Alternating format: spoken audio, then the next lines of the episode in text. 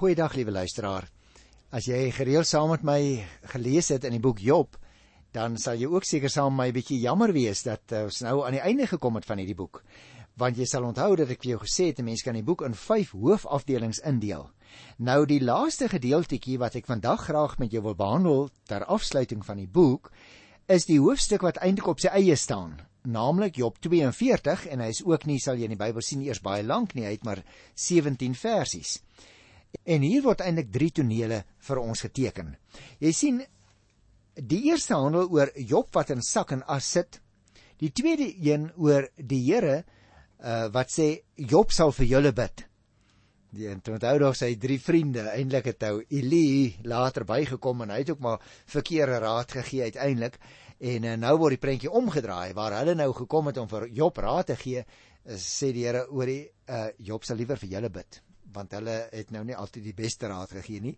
En dan die derde toneeltjie, God het 'n vol lewe gehad. So, liewe luisteraar, ek dink as 'n mens so terugdink oor hierdie boek Job, dan wil jy vir jouself sê dit is regtig waar soos wat die geskiedenis oor die boek oordeel, een van die grootste stukke literatuur wat daar ooit in enige kultuur ontstaan het. Nou eh, waaroor gaan hierdie 17 versies? Jy sien Job se vriende sal jy onthou, het hom dwars deur die boek aangemoedig om sy sonde te bely en om vergifnis te vra. Hy doen dit ook dan nou uiteindelik, maar let op. Hy bely nie soos sy vriende gesê het sy geheime sondes nie, want dit het hy nie gehad nie. Hy het als bely wat hy moes. Nee, hy vra nederig om vergifnis omdat hy God se soewereiniteit en regverdigheid bevraagteken het. Want toe hy so geluister het na al die raad wat sy vriende hom gegee het, gesê man, die Here is eintlik besig om jou te straf oor sonde. Jy moet nog daai sonde ook bely. En hoe meer hy aangehou het om te sê maar ek het nie nog sonde om te bely nie, hoe meer het hulle dit op hom laat neerreën in groot emmers. Nou sê hy, "Wie julle wat, wat ek regtig eintlik wil bely. Ek wil vergifnis vra." Dat ek die Here se soewereiniteit en regverdigheid bevraagteken het toe julle my so gepeper het met julle verkeerde raad. Job het bely luisteraars dat sy gesindheid verkeerd was en God se almag en volkomme regverdigheid erken. Dikwels is daar 'n fout by jou en my gesindheid. Selfs as jy vandag na die radio luister en jy sê vir jouself, maar ek kan nou nie eintlik dink aan sonde wat ek gedoen het nie soos wat ek ook maar baie keer voel aan die einde van die dag. Dan moet 'n mens jouself vra, maar is my gestindheid reg? Want as ek regtig ootmoedig en nederig voor die Here is, dan sal ek nie wonder of ek dalk sonde gedoen het nie. Dan sal ek weet my aard is 'n sondige aard. En selfs al het ek deur die werking van die Heilige Gees 'n nuwe mens geword. Paulus skryf dit. Daar in Efesiërs selfs al het ek 'n nuwe mens geword, dan is daar nog steeds by my 'n geneigtheid. En dit is ook wat Job ten grondslag gelê het. Dit is byvoorbeeld sonde om iets te vra soos as God in beheer is, hoekom laat hy dan hierdie ding toe om te gebeur? En dit is wat jy en ek dikwels hoor. Wie luisteraar partykeer sê en vra onsself daardie soort vrae. En nou blyk dit as ek die boek Job reg verstaan, dat dit sonde is om dit te doen want ons is aan die grense van tyd gebonde. Ons kan nie verder as vandag sien nie. Daarom weet ons ook nie waarom alles gebeur nie. Ons moet dus kies, luisteraar, gaan ons opstandig wees of gaan ons glo? Sal jy al jou onbeantwoorde vrae ook 'n slaggie vir die Here bring? Sê jy ek verstaan nie, maar ek vind nou rus aan u voete.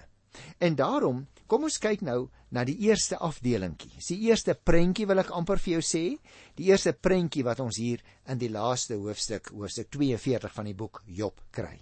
Die prentjie van 'n man wat in sak en as sit. Kom ek lees die eerste 3 verse. Daarna het Job vir die Here gesê: "Nou weet ek dat u tot alles in staat is en dat u kan uitvoer wat u besluit." Wie is dit wat u bedoelinge wou dwarsboom sonder dat hy die insig gehad het? Ek het oor dinge gepraat wat ek nie begryp het nie. U wonderdade was te groot vir my. Ek het dit nie verstaan nie. U sien, Terwyl Job so na die lofrede op die krokodil en die seekoei wat die Here het sit en luister, besef hy dat hy niks is in vergelyking met 'n krokodil nie. Wat nog te sê teenoor God, die skepper van die krokodil? Job het naamlik eerlik vir die Here gesê dat hy dwaas was. Mag ek vir jou 'n vraag of twee vra? Gebruik jy luisteraar, gebruik jy dalk die dinge wat jy nie kan verstaan nie as 'n verskoning vir jou klein gelowigheid?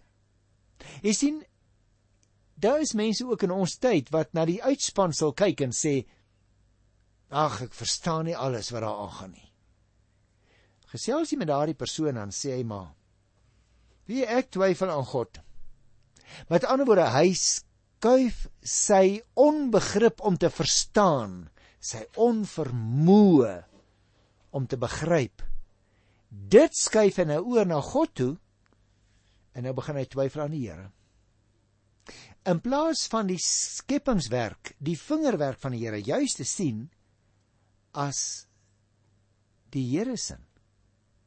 Dis wat hy gemaak het sodat ook die skepping sy grootheid en sy lof kan betuig. Erken voor die Here, liewe broer en suster, en ek sal dit saam met jou doen. Erken voor die Here dat ons nie genoeg geloof het om op hom te vertrou nie. Selfs die arm van die geloof is te swak. Maar jy sien sulke nederigheid is die vertrekpunt vir ware geloof. As ons eers dink ons weet iets, ons is iemand, dan is ons op gevaarlike terrein want dan twyfel ons naand oor die Here self.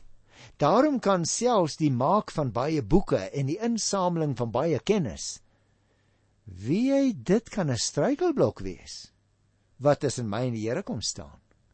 Want ek dink ek is iemand. As jy mens die derde versie uh so lees waarin Job nou sê wie is dit dan wat u bedoelinge wou dwarsboom? En so. Dan besef ons daarmee God kan doen wat hy besluit. En met die vraag wat nou oorgeneem is ons kry daai selfde vraag in die 38ste hoofstuk by vers 3 sal jy onthou. Erken Job nou dat hy sonder insig was en dat hy die bedoeling van God aan die dwarsboom was. In die lig van wat Job nou gehoor het oor die natuur en die diere in die natuur was uitsprake wat hy vroeër gemaak het blote lippetaal sonder insig en begrip van wie God eintlik is. God se wonderdade is te groot, te hoog vir Job om te begryp. Mense kry dieselfde gedagte, liewe luisteraar, in Psalm 139 vers 6. En word al die lewensvrae wat ons soms het onverstaanbaar bloot omdat ons begrip te klein is. Dit word nie verstaanbaar aan die ander kant bloot omdat dit ondeurgrondelik is nie, maar omdat ons verstand te klein is. Daarom is dit veel beter om minder te praat, meer in verademing soos 'n kind voor die Here te staan, meer te luister wat die Here vir ons sê. Kom ek lees hier die laaste hoofstuk vers 4 tot by vers 6. U het mos gesê. Nou ja, dit is nou Job wat hier in die woord is, nê. U het mos gesê: "Luister terwyl ek praat. Ek sal vra, antwoord jy my." Tot nou toe het ek net gehoor wat mense van u sê, maar nou het ek self gesien. En nou verag ek myself. Nou sit ek vol berou in sak en as. Jo, dis dan 'n ommekeer by Job, liewe luisteraar, is dit nie? Hy het eers daar in sak en as gesit uit jammerte vir homself, verlate deur mense en ontneem van al sy goed. Nou sit hy daar in sak en as sê hy, vol berou sit ek hier. Nou terwyl die Here dus gepraat het in die vorige 2-3 hoofstukke, moes Job luister. En hy kon ook nie anders nie want dit was die Here wat aan die praat was. Wat nou uit die gryse verlede oor vertel is, soos oor die krokodil byvoorbeeld in Sekoe, dit is hoor sê. Gaan kyk maar Psalm 44 vers 2 en as jy dit daar ook kry. En iets anders as self hoor, né? Self beleef, self sien is tog iets heeltemal anders as om net die verhale te hoor. Jy kan die verhale hoor oor die see byvoorbeeld. Maar dis eers wat jy die eerste keer daar in die goeie Kaap van Stellenbosch af oor die heuwels ry, afsak na Somerset Wes en na die strand toe. Die eerste keer as jy oor die laaste heuwel kom waar jy die see kan sien. Wow! Dan gaan jou mond oop. Want die see is meer indrukwekkend as die verhale wat jy oor die see gehoor het. sien is nie net glo nie, maar beleef van die see is iets om jou voor God te verootmoedig. Daarom vind Job nou waarna hy in die geloof verlang het. Daar in hoofstuk 19 vers 27. Maar dis nou net op 'n ander manier. Nou verlang hy nie na sy dood nie, maar nou verlang hy nog in hierdie lewe. En nou beleef hy dit nie as oorwinnaar oor sy opponente nie, maar hy beleef hierdie dinge nou as 'n mens gebroke in sak en as vol berou. Soos ons ook lees ou Dawid was vol berou in Psalm 51 vers 19 nadat hy met Batseba oortree het. Nou Job beleef hierdie dinge oor sy poging om te wil verstaan wat God doen Hy kan nie verstaan wat God doen nie. Liewe luisteraar, al is jy in die grootste ellende. Moenie jou energie mors nie. Jy kan nie verstaan wat God doen nie. Kyk na die skepping as jy besef hoe groot hy is. Maar net 'n ietsie daarvan snap. Iets van sy grootheid belewe. Maar verstaan? Aikona. En daarom nou aanvaar Job God se goeie trou en sorg ook wanneer hy ly en nie weet waarom hy ly nie. God het dus vir Job behou deur hom te laat uitpraat op 'n tyd toe sy vriende hom wou stilmaak en toe hulle gedink het God moet maar die mot direk pap druk. Onthou jy? Hulle het vir die Here gesê daar in Hoofstuk 4 vers 19. Druk hom maar liewer pap soos 'n mot. Hy's tog niks werd nie. Maar gelukkig is die Here meer genadig met ons as vriende. Gelukkig, liewe luisteraar, behou die Here ons. Vernietig hy ons nie. Wonderlike wonderlike God is hy nie? Ek het gesê daar's 3 afdelings en nou kom ons by die tweede afdeling. Die Here sê nou Job sal vir julle bid. Nou, liewe luisteraar, in kort wil ek eers net ook weer oorsigtelike opmerkings maak. Die Here het baie duidelik dit gestel dat Job se vriende verkeerd was. Die feit dat die Here nie na enige spesifieke sondes in sy wat Job is se lewe verwys het nie, bevestig natuurlik dat hy 'n godvreesende man was. Hy het al die tyd regverdig gestaan voor die Here anders as wat sy vriende hom van beskuldig het. Job se vriende het verkeerdelik aanvaar dat sy lyding te wyte was aan die een of ander ernstige sonde. Hulle het hom dus veroordeel sonder dat hulle geweet het wat die Here besig was om in sy lewe te doen. Jy en ek moet ook versigtig wees dat ons nie ligtelik oor ander mense oordeel nie, hoor. Dalk is die Here besig om met daardie persoon te werk op 'n manier waarvan jy en ek dalk niks weet en niks verstaan nie. En daarom kom ons lees vers 7 en vers 8 hierso by Job die 42ste hoofstuk.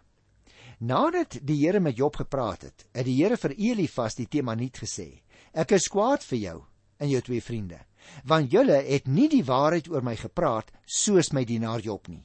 Vat sewe bulle en sewe ramme, gaan na my dienaar Job toe, offer dit as 'n brandoffer vir julleself. My dienaar Job sal vir julle bid, en ek sal sy gebed verhoor en julle nie straf vir die dwaasheid nie. Julle het nie die waarheid oor my gepraat soos my dienaar Job nie.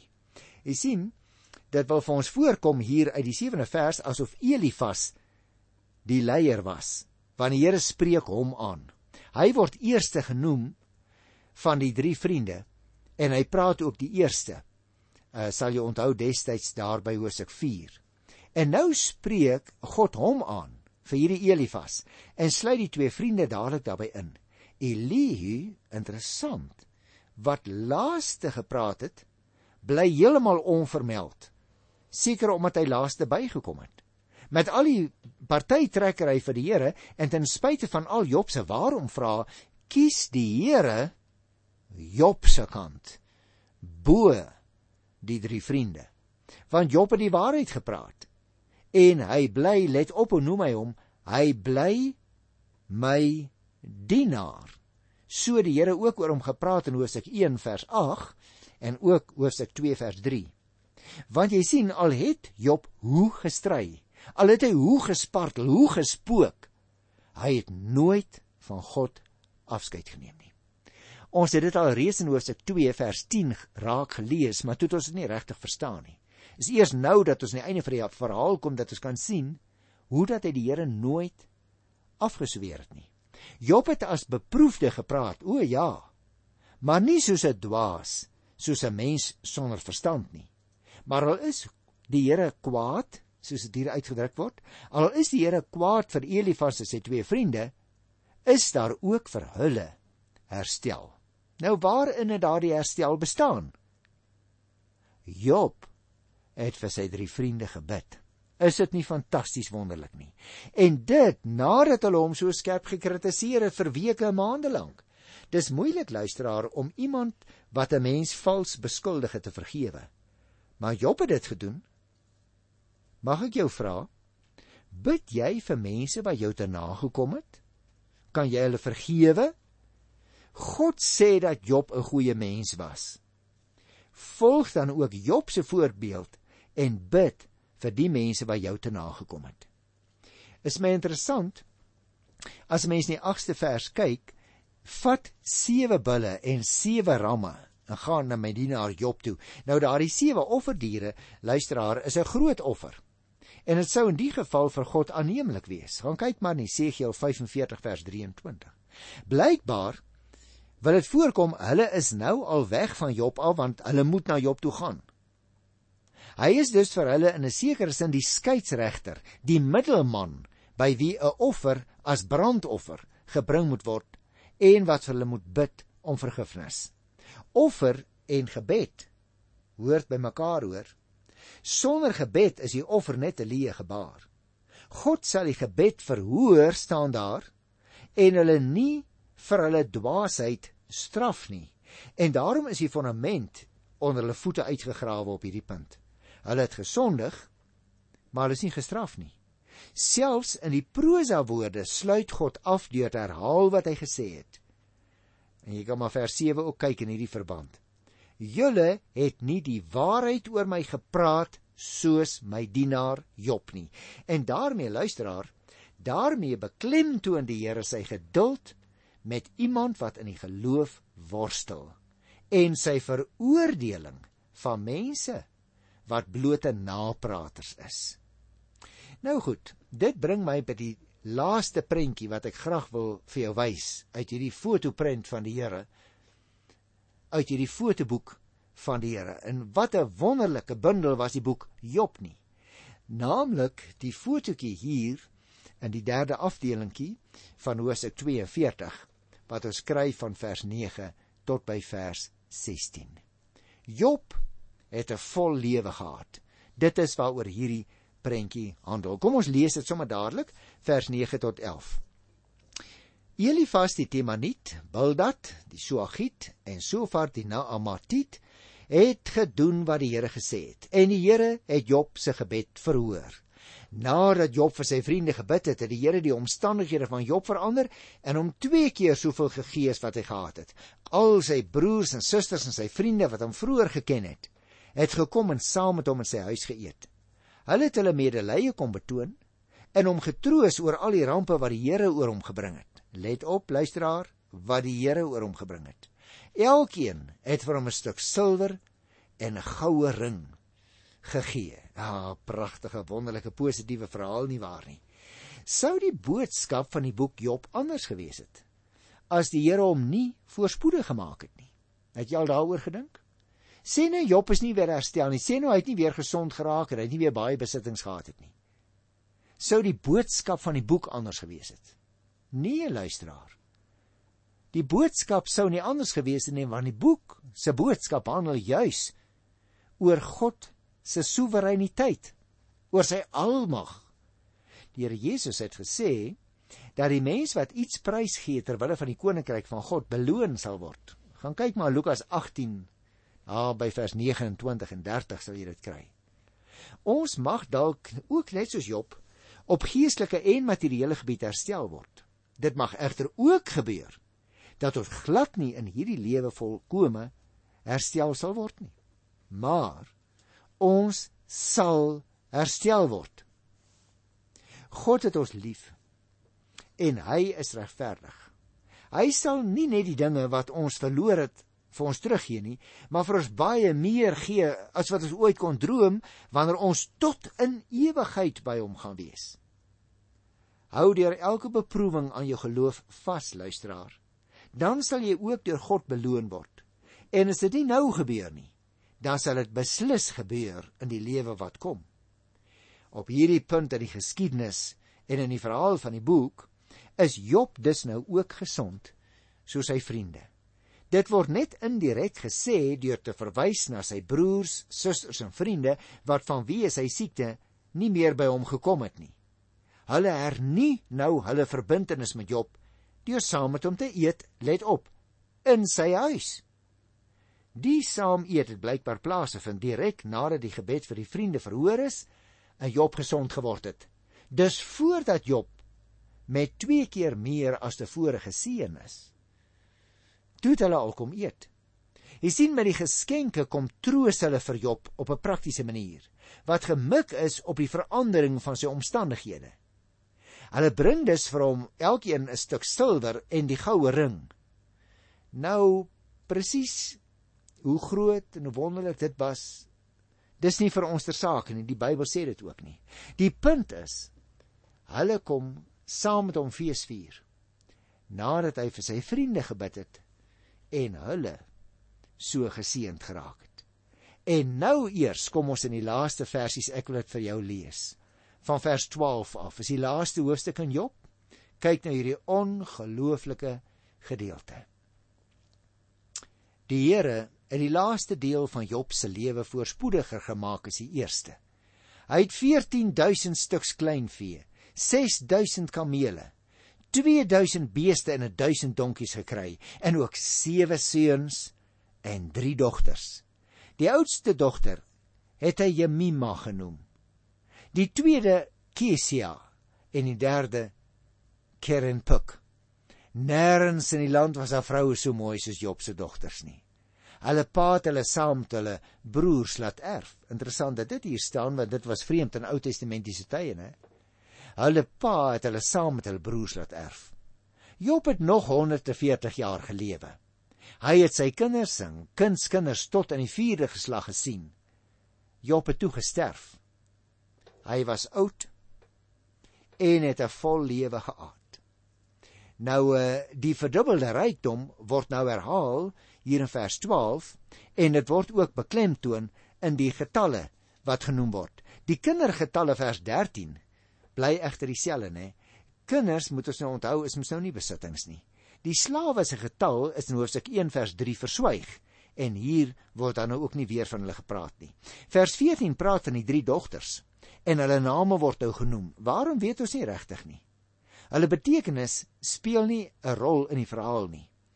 In Numeri 27 vers 1 byvoorbeeld lees ons van Selofgat. Jy onthou ek het al met jou bespreek in Numeri 27 wat nie seuns gehad het nie, se vyf dogters wat dan ook op die naam genoem word. En ook die 15de versie, die aksent dat hulle so buitengewoon mooi was en saam met hulle broers geërf het, is 'n uitsondering. Ek het vir jou gesê dogters het eintlik nie geërf nie.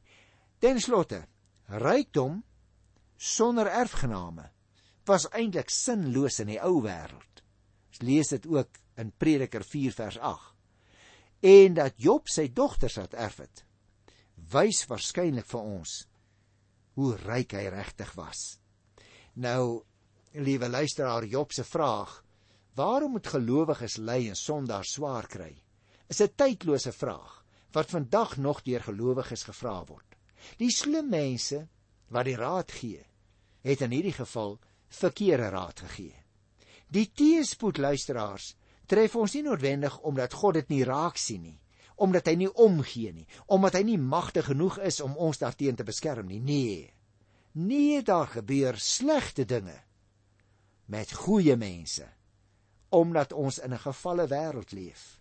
'n Wêreld waarin gelowiges en ongelowiges geraak word deur die tragiese gevolge van die sonde. Wat 'n wonderlike wonderlike les het ons nou geleer uit die boek Job. Tot volgende keer. In die wonderlike naam van die Here groet ek jou. Tot dan. Totsiens.